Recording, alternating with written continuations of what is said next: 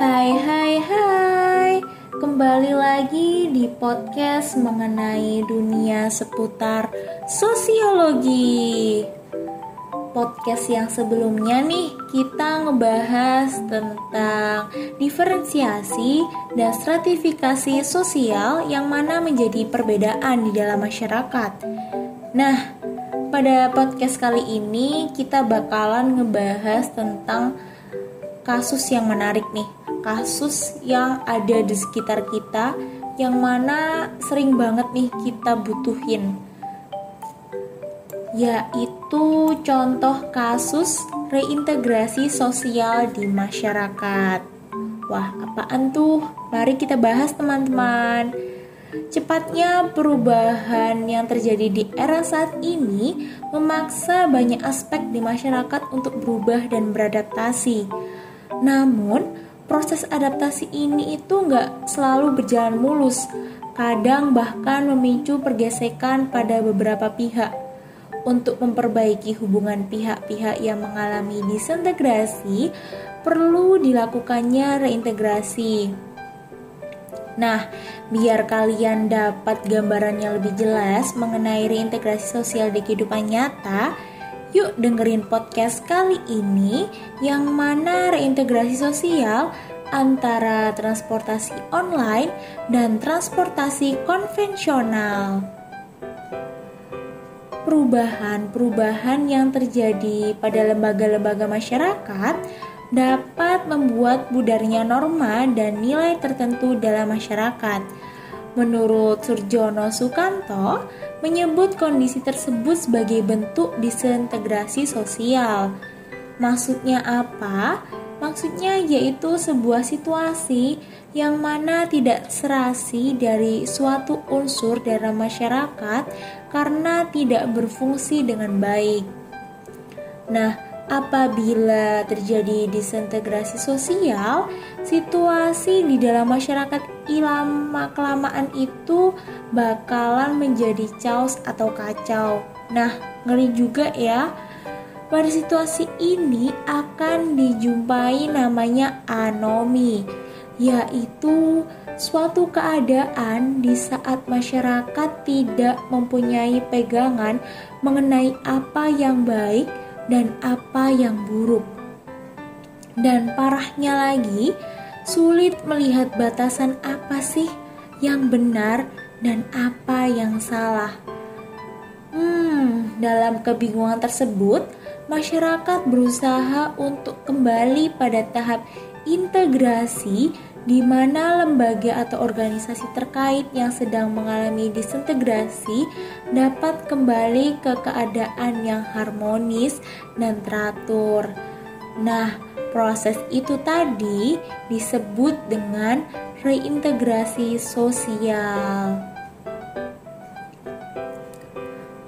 Pada kasus transportasi online dan transportasi konvensional, pada tahun 2016 itu sempet banget memicu banyak konflik bahkan hingga demo besar-besaran di jalanan. Kalau kalian update TV nih, pasti banyak banget berita di TV pada tahun 2016 itu karena itu adalah tahun di mana awal-awal munculnya Gojek, Grab, dan e-commerce lainnya yang hmm, berdampak besar pada transportasi konvensional sehingga menyebabkan kompromi dari pihak-pihak yang terlibat. Wah, ngeri juga ya kalau sampai terjadi kayak gini. Seperti yang teman-teman ketahui, populernya penggunaan transportasi online membuat transportasi konvensional seperti taksi, atau ojek pangkalan kehilangan pangsa pasar dan pendapatannya secara signifikan. Ketika para pelaku transportasi konvensional ini tidak dengan segera beradaptasi dengan tingginya minat dan permintaan masyarakat terhadap transportasi online yang mana lebih murah dan efisien, maka akan mengakibatkan timbulnya konflik antara transportasi konvensional ini dengan para pelaku transportasi online. Waduh, ngeri banget ya. Akibatnya apa? Di beberapa daerah pun akan muncul demo-demo dari pelaku transportasi konvensional yang mana agar pemerintah menutup industri industri transportasi online karena dianggap merugikan para pelaku transportasi konvensional.